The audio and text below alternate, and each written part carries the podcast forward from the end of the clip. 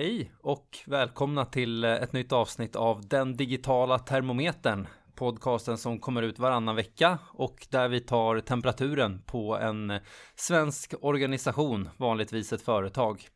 Eh, vi som gör det här är jag, Henrik Karlsson och min kompis och kollega Patrik Nilsson. Vi jobbar med sådana här digitaliseringsstrategifrågor hos Knowit till vardags. Det stämmer bra. Eh, vi brukar säga att vi är podcaster som kan det mesta men inte vet det minsta. Och med det menar vi att vi inte har någon som helst information som inte är offentlig eller publik när vi pratar om företaget, utan vi gör en timmes research om företaget eller organisationen i fråga och eh, baserar vårt samtal eh, på denna information och denna research. Och förra veckan pratade vi ju om Scania där du inledningsvis hävdade Patrik att det var ganska många ingenjörer i bekantskapskretsen som hade gått maskinteknik och hamnat där. Uh, har det dykt upp några ringar på vattnet efter den podcasten som du har tagit uh, del av? Det, det, har det faktiskt inte gjort um, och jag vet inte riktigt vad det beror på men uh, det kanske var en fördom som inte riktigt stämde då. jag har faktiskt ett par gamla klasskompisar och kollegor som jobbar på Scania va? En, eh, Lasse, som skrev en eh, ganska bra beskrivning av några av de områdena vi tog upp och, och, och beskrev lite mer om hur Scania arbetar, till exempel med connected eh, vehicles. Eh, och jag får väl också ta på mig det att jag hade avläst ett cirkeldiagram fel kring kostnaden för, eh, för kunderna av Scania lastbilar och bränslet är en ganska stor kostnad ändå då av eh, deras totala livscykelkostnadsmängd. Ja, och det var ju ändå min spontana reaktion att däck kostnaden, att den skulle vara det högsta, att det var väl en, jag var ju lite skeptisk till om det verkligen var sant. Här kommer ju svagheten med den här en timmes research in då. att man eh, kanske har på sig ungefär fem sekunder att läsa av ett sånt diagram. Nåväl, nu tänkte jag att vi skulle ta och låta fram ett eh, nytt bolag eller organisation att prata om. Det tycker jag att vi gör och det brukar ju faktiskt vara jag som drar så att jag tänker att du Henrik skulle få dra den här gången. Trevligt, ska vi se. Tar jag lappen här. Åhléns. Åhléns. Mm, vi sitter ju väldigt nära Åhléns. Vi sitter och tittar på Åhlénsbyggnaden just nu faktiskt. Just det, Åhléns eh. city. Det känns ju som att det kanske är ett par olika koncept med Åhléns city och andra Åhléns. Eh, Precis. Men det man tänker är ju att, ja men varuhus traditionellt sett väldigt mycket fokus på varuhus mer än kanske, ja fysiska butiker kanske mer än e-handel historiskt. Jag får nästan lite så här 60-talskänsla av Åhléns. Att de var jättestora då efter krigstiden och konsumtionen blomstrade och så vidare. Eh, men att det kanske gått lite dåligt på slutet. Ja, precis. Man får se framför sig en eh, generisk småstad i Sverige som har ett torg och där finns det ett eh, Coop och det finns ett Åhléns. Ja, det får, det får du stå för. Jag vet inte. Um, fotbollsliknelse. Jag råkar ju veta att Åhléns grundades i Insjön, men inte är det mest bolaget som är mest känt att komma just från Insjön. För därifrån kommer ju också Clas Olsson. Och då kommer jag att tänka på Andreas Isaksson. Som länge var målvakt i svenska landslaget. Som är född eh, nästan på dagen efter när det här avsnittet släpps här i början på oktober. 1981. Uh, eh, han är då född på samma dag som en annan spelare som blev ganska duktig från Skåne som heter Zlatan Ibrahimovic.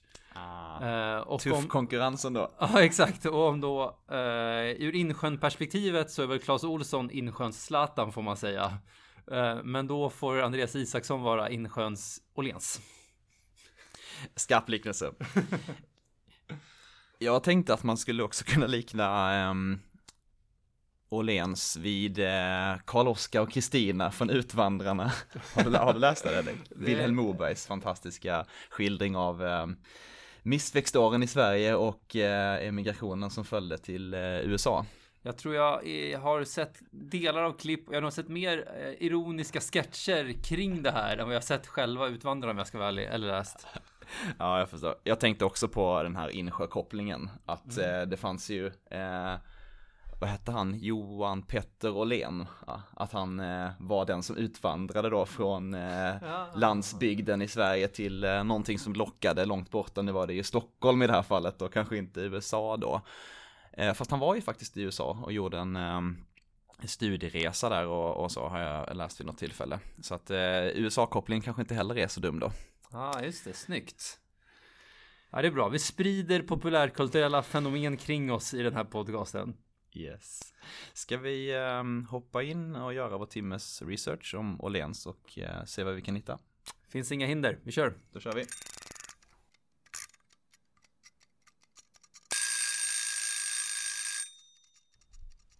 Ja, då har eh, vår timme gått och vi har blivit eh, lite klokare i alla fall. Vad, eh, vad vet vi egentligen om Åhléns vid det här laget? Eh, vi kan väl säga att, eh, som vi nämnde i introt här, det är ju ett företag som är grundat i Insjön, gammalt eh, postorderföretag från slutet av 1800-talet. De gav ut någon jultidning också vid något tillfälle. Um, men um, deras um, första produkt var en, uh, det var en tavla av kungafamiljen. Det är väl roligt ändå. Det är extremt elegant. uh, men som sagt, de flyttade ju sin verksamhet till uh, Stockholm någon gång i början av, av 1900-talet. medan då Clas Ohlson som vi nämnde stannade kvar och är det kanske mest kända företaget från Insjön. Men Åhléns är alltså också därifrån då. De verkar ha enbart verksamhet i Sverige med cirka 60 varuhus Eh, ganska mycket fokus på den fysiska butiken. De har eh, lanserat en e-handel ganska sent. Det var senare, 2016 de gjorde det. Det är ju exceptionellt sent får man säga. Och det har väl inte gått så bra för dem rent finansiellt de sista åren heller. Ja, de har till och med gjort eh, förlust de senaste, några av de senaste åren i alla fall. Och nu senast förra året. Vad tror vi att det beror på? Ja, men det är, för att svara på det så vill jag komma in lite grann vad vi inte vet om företaget. Uh, och det jag tycker mig inte veta nu det är vad tusan är deras strategi. Alltså vad är den marknadsposition som Åhléns försöker fylla som ingen annan spelare fyller. Uh, tittar vi lite på dem så har de ju de har ju tre stycken uh, affärssegment va? Mode, mm. skönhet och vilket är det tredje? Hem. Hem, tack.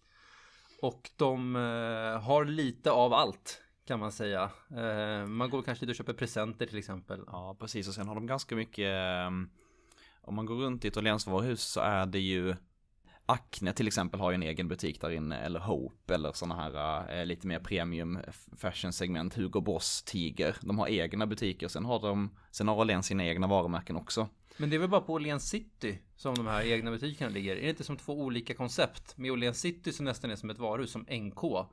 Medan andra Åhléns varuhus är mer Åhléns egna varumärken. Ja, just det. Det är nog så det är. Och jag tänker att de här egna varumärkena, där, där har väl deras eh, styrka historiskt sett varit att man haft en ganska stor spridning. Man har haft väldigt många olika typer av produkter. Vilket gjort att de blivit en, man kallar för one-stop shop. Det vill säga en butik där man kan köpa nästan allt. Eh, så de har, jag kan inte uppleva att det är speciellt hög kvalitet, i alla fall inte varumärket. Åhléns kläder signalerar inte hög kvalitet. Det signalerar heller inte låg kostnad. Eh, utan det är tillgänglighet som har varit deras, eh, deras stora tillgång historiskt sett. Jag ponera då att det är sant att eh, tillgängligheten är på något sätt deras eh, primära eh, differentierande faktor. Då är det ju lite konst, extra anmärkningsvärt att de inte har satsat på e-handel tidigare eftersom att det handlar i, i mångt och mycket om just tillgänglighet. Exakt, och tänker man då på den här generiska lilla orten du nämnde Patrik som jag inte vet om den existerar. Alltså, vi kallar den för Bollstabruk. Nej, jag vet inte. Men Eh, där så eh, har ju såklart internet gjort att tillgängligheten blivit jättemycket större för väldigt många produkter än vad den var tidigare. Och det gör att Åhléns differentierande faktor inte är en differentierande faktor längre. Och då är det inte så konstigt att det inte går så bra för verksamheten. Man har ju också stängt eh, 15 stycken varuhus de senaste fyra åren. Exakt. Mm. Och, och det här gör det ju svårt. De har en nytillträdd CIO, kommer vi prata om lite senare. Men det måste vara svårt att veta vad man ska koncentrera sig på i sina teknologisatsningar. Om inte verksamhetsstrategin är tydlig. Nu kanske den har varit tydlig, fast inte så bra då. Men man kan anta att det kommer uppstå en, en ny verksamhetsstrategi framgent. Och den måste ju såklart sätta grunden till vilka digitala och teknologiinvesteringar man vill göra. Jag, alltså jag kan lätt komma att tänka på fyra stycken sådana marknadspositioner. Eh, det finns många fler, men man skulle kunna ha prenumerationstjänster genom livet. Eh, utnyttja att de har så brett sortiment så att de hjälper folk eh, småbarnsföräldrar eller vad som helst med liksom paket med saker och ting som behövs. Typ till våren då kommer det paket med nya kläder, nya gardiner, nya dukar, de senaste typen av, eh, av eh, tallrikar som är moderiktiga, jag vet inte. Mm. Eh, Och här skulle man ju då ha väldigt nytta av eh, just IT-lösningar, till exempel CRM, inte minst för att hålla koll på ehm, ja, de här då kunderna och vad deras preferenser är, vad de gillar för någonting, eh, för att kunna sätta ihop de här paketen. Exakt, Analytics, man kanske ska ta in Facebook-data för att se vilka saker man gillar där och så vidare. Eh, Ett annat strategi skulle kunna vara att man ska leverera sina egna produkter med egna varumärket till andra kanaler. Eh, Ja, då måste man bygga Åhléns varumärket med ett innehåll i termer av produkterna. Är det hög kvalitet eller är det låg, lågt pris? Eh, och då måste man liksom optimera kostnaderna och se till att skapa utgående gränssnitt till alla möjliga eh, andra eh, spelare. Eller så ska man bli marknadsplats för många andra varumärken. Som Amazon är internationellt, där ingen egentligen har tagit i Sverige. Stället man går till för att köpa vad som helst. Och sen integrerar Åhléns väldigt många andra butiker. Då måste man bygga tydliga inåtgående gränssnitt. Och, och ha en, en helt annan eh, uppsättning av sin teknologi. Eh, eller fjärde, man kanske ska bygga vidare på sin punkt om samhällsengagemang. Det har ju varit en, stort, en stor grej för Åhléns genom åren. Eh, se till att man ska göra mer aktiviteter än att bara sälja saker i sina varuhus. Eh, man kanske ska öppna ma- massa mindre butiker på ännu fler platser. eh, I något franchise-scenario eller liknande. Där man bygger ett socialt engagemang. Ja, då måste det sätta andra krav på teknologin. Och poängen är att man, man behöver välja. Man måste bestämma var man ska vara någonstans som företag. Och sen kommer de digitala lösningarna och satsningarna kunna spegla det. Ja, det är ju många bra strategier, absolut. Jag läste ju ändå att eh, det de satsar på nu det är ju att försöka kopiera ganska mycket det som eh, amerikanska eh, stora jättar gör, kanske inte Amazon men i alla fall eh, det som typ Walmart och andra gör, att de ska också satsa på lågpris och outlets Mm. och sådär. Eh, därför att man har insett att, ja, men, traditionellt sett har det varit så att eh, höginkomsttagare eller personer med stark köpkraft har varit intresserade av att köpa dyra saker, grovt förenklat. Eh, och då har man förstått att det är inte riktigt så det ser ut nu, utan det är mycket mer spridning mellan, eh, inom, det, inom den köpgruppen då, så köper man både lågpris och dyra saker.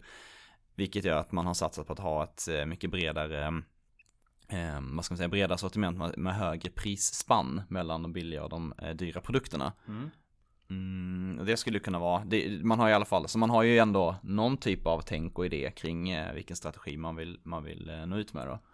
Det är bra. Är det så så är det bara att, eh, att gratulera dem och hoppas att de hittar det, det fokuset och att de kan få ihop en mängd aktiviteter för att följa det. Då kanske vi hoppar in på eh, lite mer kring IT och eh, ska vi börja med en, den interna organisationen och den interna setupen kring IT. De har ju ganska nyligen en, eh, en nytillträdd CIO, IT-chef, som också sitter i bolagets ledningsgrupp. Och, Varför och brukar det vara en bra grej? det brukar vara en bra grej för att få upp IT och digitalisering på bolagsagendan. Annars kan det ofta gömmas under en CFO till exempel och då blir det lite för mycket sifferfokus. Eh, nu kan den här CIOn hjälpa till att driva affären i större utsträckning. Är det så att han är nytillträdd för att de gjorde den här splitten? Eh, tidigare var det väl gemensam IT under X-Stores med Åhléns Kicks och Lagerhaus va? Mm. Precis, och nu ska man då bygga upp en egen IT-avdelning och därför har man också tillsatt en ny IT-chef eller CIO. Den här nytillträdda CEOn då, han har ju en gedigen bakgrund från eh, e-handel och eh, retail i stort. Vilket ju signalerar att man satsar just på digitalisering av verksamheten med e-handel i fokus. Exakt, och eh, en sak som inte det uppstått konsensus kring ännu i eh, retailbranschen, detaljhandelsbranschen, är ju vem som ska vara affärsansvarig för e-handeln. Eh, På inte jättefå ställen så är det ju faktiskt CIO som också har affärsansvaret för själva e-handeln. Medan det på andra ställen ligger någonstans under, under eh, ja, försäljningsorganisationen. Alltså du menar att man har eh, pnl ansvar alltså profit and loss eh, intäkts, resultatansvar heter det på svenska. Exakt. Jag vet inte om det är så nu hos Åhléns, men eh, det skulle ju signalera det om han- om han kommer från en e-handelsbakgrund, att det är en rimlig slutsats. Eh, Och jag vet att andra bolag också jobbar så. Absolut. Eh, Vad tror du att eh, den här nytillträdda CEOns största utmaningar är Henrik? Jag, jag kan tänka mig att en utmaning är ju ärvd från det här att de var en del av X-Stores sedan tidigare som delades upp. Där de ja, hade en större organisation gissar jag som täckte alla de här tre stycken bolagen. Och i och med att Åhléns är det största av de tre så gissar jag att Eh, alla processer och metoder och sånt ärvde helt enkelt Åhléns från X-Stores. Um, ehm, vilket kan vara både fördel och nackdel. Det blir lite lättare om man har någonting att utgå från men samtidigt så eh, mår ganska många organisationer inte så dåligt av att börja om från början. Särskilt nu när vi står i ett skifte till lite mer snabbrörlig IT-utveckling och produktutveckling. Så eh, där tror jag en utmaning för honom är dels att gjuta lite ny energi in i organisationen. Men att också hitta ett sätt att bli mer och mer flexibla i sin eh, produktutveckling. Ja, absolut. Eh, jag tror också en annan utmaning är man har ju, om man tittar på Åhléns i stort så har ju det faktum att man har lagt ner butiker och så vidare också gjort att man liksom drar ner på personalstyrkan i butik. Medan man satsar mer på att anställa inom IT som då en effekt av att e-handel blir viktigare. Och eh, det sa han också själv i någon eh, eh, artikel att det är ju svårt att hitta folk med rätt kompetens för att det är, det är stort drag och fokus på det här i branschen och det är svårt att hitta rätt kompetens helt enkelt. Både utvecklare och arkitekter och ja, folk som både kan verksamhet och retail samtidigt som de kan IT. Just det. Och eh, fördelen de har är att de sitter ändå i en stor stad där det finns lite bättre underlag av personal. Vissa bolag sitter ju i mindre städer där det kan vara ännu svårare att identifiera kompetens. Ehm, en till utmaning blir såklart det jag nämnde innan. Om bolagets strategi inte är helt tydlig så blir det svårt att driva IT på ett sätt som stödjer bolagets strategi bra.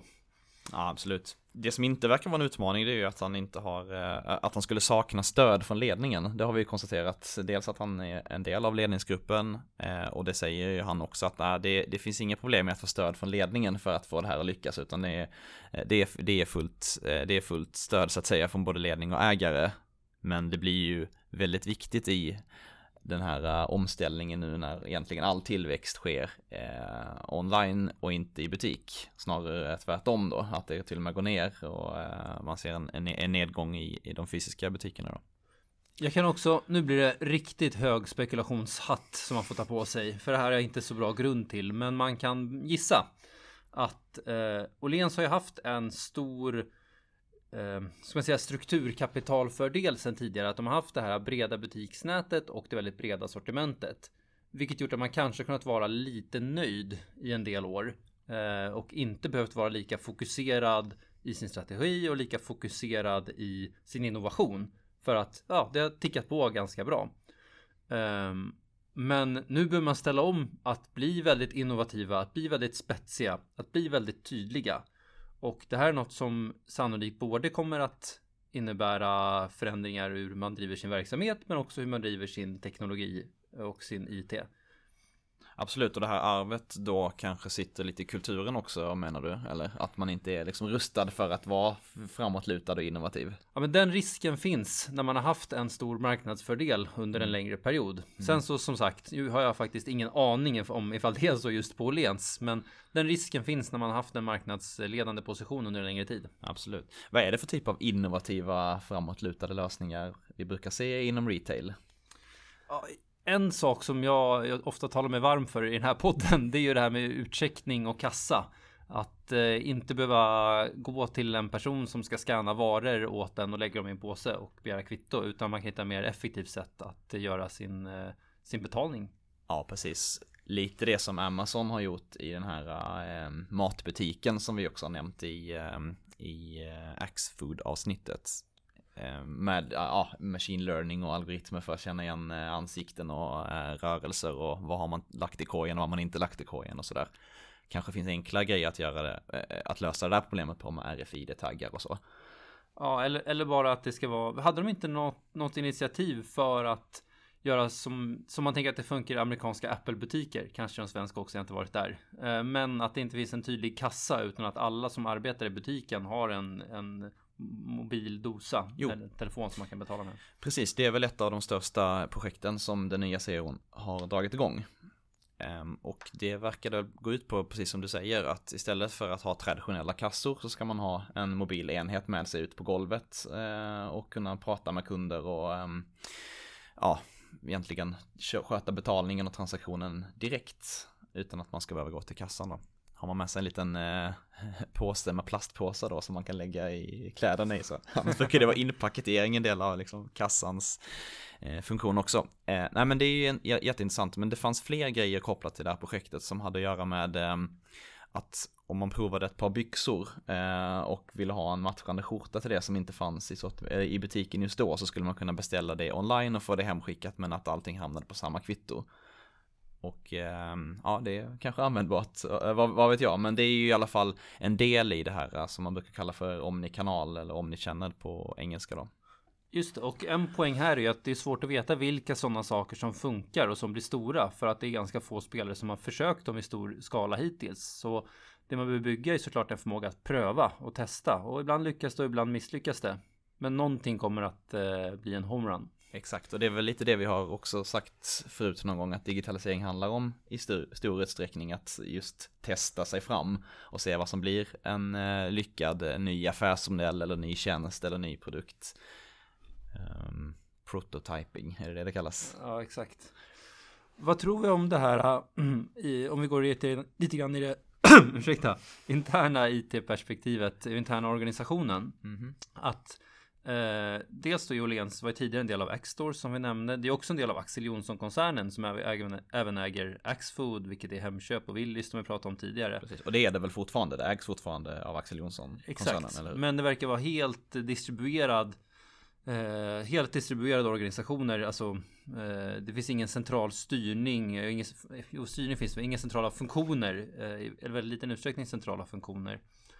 Eh, och jag funderar på, finns det någon någonting där de skulle tjäna på att göra eh, en gemensam eh, övning i hela konglomeratet ur just det digitaliseringsperspektivet tror du inom Axel Jonsson-sfären?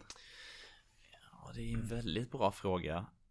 Eh, om, man går tillbaka till de olika idéer om affärsstrategier du pratade om tidigare Eh, där väl någon var kanske någon typ av helhetslösning för barnfamiljer med olika paket man skulle skicka ut och sådär. Ja men då finns det ju verkligen en, en, en eh, poäng med att koppla ihop till exempel Axfood och eh, eller ja vad heter det mat.se och Åhléns så att man får både babykläder och blöjor och välling och mjölk hemkört till exempel. Exakt. Eh, det blir ju såklart väldigt komplicerat säkert. Efter just det som att man har eh, så eh, då separata ehm, IT-system till stöd för det här. Jag skulle gissa att det kommer att sätta massa andra affärsprocesser, krav på olika, att, att, att man jobbar på samma sätt tvärs olika verksamheter då, vilket ju blir jobbigt tror jag. Ja, exakt. Du har nog rätt och jag tror faktiskt att det är att det är rätt beslut de har fattat då. Att man ska ha den här distribuerade organisationen. Det blir oftast lite enklare att hantera. Annars uppstår det ganska mycket admin och synkfunktioner som eh, är onödiga. Ja, för man har ju inte heller samma affärslogik på eh, Kicks och Mat.se och eh, vad heter det, Daglivs, nej Daglivs var inte, vad heter det då, Dagabba. Just det. Eh, och, och Åhléns och Åhléns City. Det är svårt tror jag att ha liksom ett gemensamt, eh, en gemensam IT-utveckling och ett gemensamt affärsstöd. Jag, jag tror faktiskt också det. Vad tror vi om storleken då? Det var ungefär 40 personer eh, inklusive konsulter under CIOn här. Mm. För mig signalerar det att det är, jag tror, jag tror att det skulle vara lite fler faktiskt, kanske en 10-20 stycken till. Eh, särskilt eftersom man ska ha en aggressiv online expansion. Mm. Eh, och nu finns det såklart många andra IT-kostnader än just personalen, men för mig signalerar det här att man ligger ungefär på par med industrigenomsnittet som väl är en och halv IT-kostnader som är en och en halv procent av omsättningen eller något sånt där. Eh, jag skulle gissa att de ligger ungefär på par med det, men jag skulle också förvänta mig att de skulle ligga lite över, särskilt om de har varit underinvesterade i ett antal år. Antagligen är det väl säkert helt enkelt så att de inte har hunnit komma ikapp. Ja, exakt. E-, eller så kanske, exakt. Eller när jag tänker på det igen så kanske det är så att de har många tjänster som inte drivs av personal. Det vill säga många online-lösningar, software as a service-lösningar där man inte behöver egen personal för att eh, kunna driva igenom det. Ja, precis. Vi har inte sett IT-budgeten eller IT-spend, IT-kostnaderna i årsredovisningen va? Uh, nej, årsredovisningen för övrigt Den finns ju inte på deras hemsida uh, Och de gör ingen för Åhléns specifikt årsredovisning i traditionell mening med lite flashiga presentationer och vdn har ordet och sånt där utan det ligger på Axel Jonsson koncernnivå. Eh, däremot så kan man via alla bolag hitta en årsredovisning som ser ut ungefär som min bostadsrättsförenings årsredovisning om jag ska vara ärlig. Ehm. Um, Hårda orden då. Varför fel på min bostadsrättsförening? Nej, Jag har ju också sett den, jag förstår vad du menar. Det ser ut som att den är utskriven på, en ganska dålig skriva och sen inskannad eh, och, och sen distribuerad i pdf. Nåväl, vi kanske inte ska snacka mer skit om Åhléns årsredovisning. Nej. Eh, utformning. Så. Ska vi prata lite om e-handel då? Det är ju ändå på något sätt eh, lite kärnan i retail och eh, digitalisering. Handlar ganska mycket om e-handel. Absolut. um, ja, men vad, eh, vad kan vi säga om den egentligen? Ja, men ska vi, ska vi, vi bärsade lite innan så kanske ja. kan lyfta lite nu. Eh, de har ju en helt digitaliserad medlemsklubb, vilket låter som att alla borde ha det, men det är så absolut inte. Vilket innebär att man inte behöver ha något kort, utan rabatter kommer automatiskt på ditt medlemskap i butiken. Du behöver inte ha några, några um, kuponger och grejer. Precis, man skannar i princip sitt körkort va? Eller anger sitt personnummer. Så eh, finns all information eh, i, ja, oavsett vilken kassa du går i. Exakt. Och de fick väl också, även om de kom igång sent med e-handeln, blev väl det nominerat till årets digitala projekt eller något sånt där på CIO Awards. Exakt, det stämmer bra. Eh, och, och, sen har man ju också jobbat ganska mycket med att ehm, eh, ja, vara moderna i den mån att man till exempel har Swish som betalningslösning på hemsidan. Eh, känns ju väldigt smidigt. Jag vet inte, de har en säk säkert också samarbete med Klarna och Klarna Checkout och sånt. Skulle jag förvänta mig. Um... Ha samma dagleverans i Stockholmsområdet och dagen efter i resten av Sverige. Men inte tydligt, var det samma dag hemleverans verkligen eller var det till butik? Det var inte helt tydligt. Nej, det var inte helt tydligt. Det är ju också en trend, eh, tror jag. Jag tror att det blir viktigare med eh, samma dagleverans och snabbheten i takt med att eh, konkurrensen på, på, kring e-handel ökar. Exakt, men samtidigt som man såklart kan fundera på vad är för varor man köper. Men Ja, Åhléns för mig står lite grann som för ett eh, bolag som man kan köpa presenter hos. Det är skönt att få samma dag, särskilt när man är ute i sista sekunden, som jag ofta är. Precis. Och där har man ju ändå väldigt stor fördel med det relativt breda butiksnätet i alla fall. 60 varuhus eh, utspritt över hela Sverige. Har man då den produkten som du vill köpa i eh, det varuhuset som är närmast där du bor så kan man ju skicka det därifrån istället för att skicka det från ett centrallager. Och då har man ju kapat säkert en eller två dagar leveranstid åtminstone. Just det. Ja, och e-handeln möjliggör ju också det här gamla fina begreppet omnichannel som Just är populärt det. nu i, i detaljhandeln. Att man eh, ska ha samma upplevelse i alla kanaler eller vad är det för något Patrik? Ja men precis, man har ju pratat eh, Först uppstod ju på något sätt Det fanns eh, fysiska butiker och sen började e-handel eh, komma och det var oftast helt separata eh, kanaler. Det hanterades helt separat egentligen i alla avseenden IT-stöd och eh, planering och allting. Man hade olika sortiment och så. Sen började man prata om eh, multichannel, var det inte det som var första eh, vågen i, i det här att försöka koppla ihop koppla ihop eh, de olika kanalerna. Och det ganska snabbt blev omnichannel det regerande begreppet som fortfarande är det som man pratar om i stor utsträckning. Och det handlar precis som du säger Henrik om att skapa en gemensam kundupplevelse över då alla försäljningskanaler, både när man är i, i den fysiska butiken eller när man är online. Det ska vara samma butik.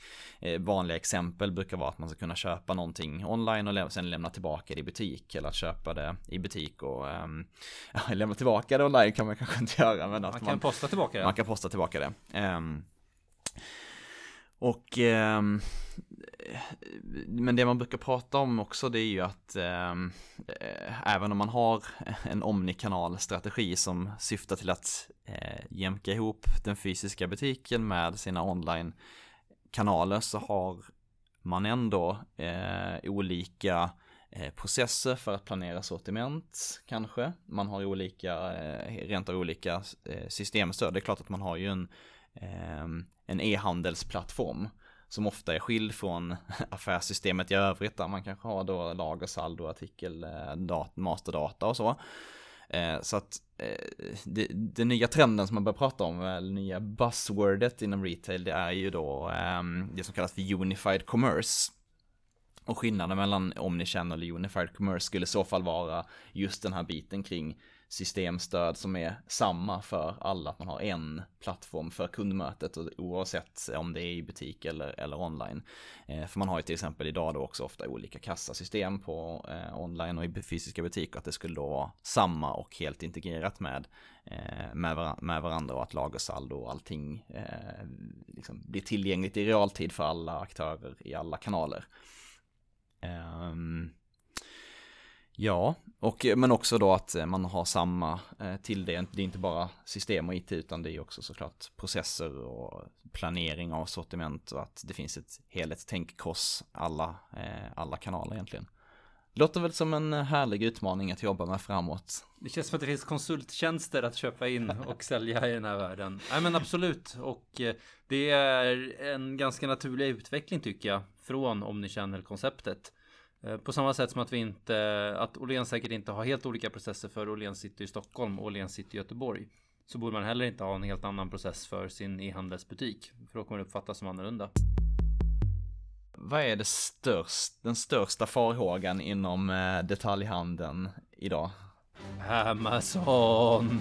Bam, bam. Ska vi lägga på någon uh, typ Star Wars musik här?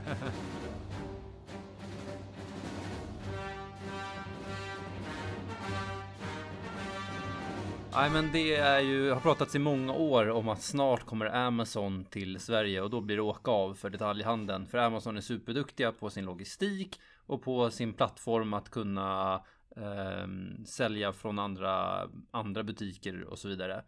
Eh, och eh, det hotet har väl eh, även Åhléns uppfattat gissar jag. Jag skulle tro det också. Eh, det, jag läste någon eh, intervju med, eh, med Åhléns vd, han pratar ju om, om det absolut. Sen kan man ju fundera på hur stort det här hotet verkligen är då. Dels är det osäkert hur Amazon kommer lansera, eller ens om de kommer lansera sig i Sverige, men det verkar alla vara hyfsat överens om i alla fall. Ehm, men det är lite osäkert ja, men vilken del av Amazon-verksamheten. Det är mm. ganska brett. De har ju egentligen allt möjligt kan man säga. Eh, de har till och med mat och, och, och men framförallt då kanske elektronik och prylar. Böcker har de ju, var ju så det började en gång i tiden. Um, nej men så det är liksom lite, lite osäkert på vilken marknad kommer man konkurrera? Kommer man bli en direkt konkurrent till Åhléns eller inte? Eh, så det är en osäkerhet. Eh, sen har ju faktiskt Åhléns, känner vi idag i alla fall, vi pratade lite om det i början också, men att så varumärket är väl ganska starkt ändå. Jag kan tänka mig att det finns en viss lojalitet hos kunderna. De har två miljoner, eh, två miljoner medlemmar i sin medlemsklubb. Och eh, det brukar ju tala för att man inte, eh, att man kan värja sig lite mot den här typen av amerikanska stora jättar som kommer in Fast å andra sidan, om det, om det lyckas vara väldigt snabba, vi pratar om det här med att man får mm. same day delivery, vilket är Amazon är, väl är väldigt bra på. Ja. Eh, levererar ut snabbt, billigt, låga priser. Eh, då har man ju, då är det ju, blir det ju farligt. Och på tal om att försöka förutsäga vad som ska ske i framtiden ska vi eh, gå in på en liten sammanfattande del här kring vad vi tror om deras möjligheter i en digitaliserad värld. Det tycker jag. Och försöka sätta en temperatur från 0 eh, till 100. Från iskallt fryspunkt till kokhett. Om jag ska börja då. Eh, vi brukar dela upp det mellan det interna och det externa perspektivet. Nästan börja med det externa perspektivet så tycker jag att de ligger ganska lågt. Chockerande sen start av sin e-handelsverksamhet. Eh, och det för mig signalerar att man eh, ligger långt efter med andra puckar också då, även om det kanske har blivit lite förändring nu på slutet. Så för mig, vad bevisen tyder på här, det är att det kanske är 30-40 grader eller så. Det är ju faktiskt eh, väldigt lågt, mycket lägre än någon någonsin har fått tidigare i podden. Du har nog rätt i, i någon mån, det är förvånande att de har varit så extremt sena på e-handelsbollen. Samtidigt ser vi ändå att när de väl satsar på e-handelsspåret eh, så verkar de göra det ganska bra i alla fall. Det är sant, bra Eh, fokus. Mm. Med då om man ska blicka framåt så, så är potentialen säkert stor då. Sen är det väl lite som du pratar om kring strategi och eh, är den tydlig vilket segment, eh, vilken position vill man ha på marknaden. Mm. Ehm, ja, jag tycker nog att vi kanske ska jacka upp den lite grann. Jag brukar ju, jag brukar ju vara mycket mer generös du är. Så snål med temperaturen Henrik. Nej men eh, 55 eller någonting sånt kanske. Ja, det kanske är... 50 kan vi säga. Vi, vi kan, det är väl naturliga, hälften hälften, eller hur? Ja. Ja, nej men eh, låt oss sträcka oss till 50 grader som något genomsnitt också mellan exter- externt och internt då. Som sagt, inter- internt så kan de ligga eh, på par i kostnader kanske då med sina konkurrenter. Men eh, möjligen så skulle de behöva ligga lite högre. Okej, 50 grader. Ehm, och är det några liksom frågor man skulle vilja ställa till någon här? Så är ju nästan första frågan då vad ska affärsstrategin vara? Och har de verkligen tänkt igenom vad de behöver göra ur sitt teknologiperspektiv för att uppnå den affärsstrategin? Det är en väldigt lång fråga som Ja. nog är ganska svår att svara på. Ja, exakt, men eh, också intressant och också man kanske inte vill svara på för att eh, affärsstrategi kan också innebära affärshemligheter och sådär. Ja, absolut. Ehm, men jag skulle också vara intresserad av hur de jobbar med innovation och ta fram nya, nya lösningar och nya förslag och, och sånt. Fånga upp det från organisationen. Vad kan man mer tänkas att man vill veta? Ehm, ja, men innovation är ju en intressant grej. Ja, men hur förbereder man sig för Amazon-intåget till exempel? Mm. Tar man, ehm, vill man försöka göra samma saker som de gör, fast innan de kommer så att det är på plats? Eller vill man försöka hitta en annan eh, marknadsposition Just som gör att man inte blir en direkt konkurrent? Man brukar ofta prata om first mover advantage, det vill- säga den som först gör någonting på en marknad har alltid lite försprång. Men det finns också på vissa marknader och i vissa industrier en second mover advantage, det vill säga att man slipper lägga ner och göra alla fel som som var först gjorde och sen så kan man hänga på det som funkade bäst för någon annan. Det är kanske därför Amazon väntar på att Åhléns ska göra alla de här grejerna. Alltså, vad, nu, vad nu det är för grejer då med self-checkout och eh, Ja. same day delivery och drönare som levererar paket och sånt. Eh, först gör Åhléns det, sen när de har misslyckats då kommer Amazon. Nej, skämt åsido. Vilka rackare. Ja, ja, men det var väl bra. Eh, 50 grader för eh, Åhléns.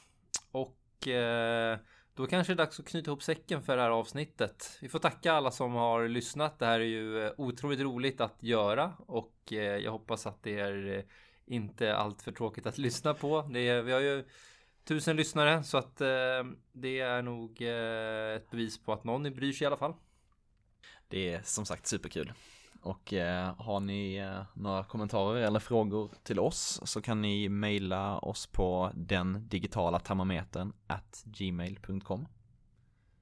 Bra, och eh, med det så tar vi nog och avslutar det här avsnittet av den digitala termometern. Tack så mycket Patrik. Tack för att ni har lyssnat. Tack och hej.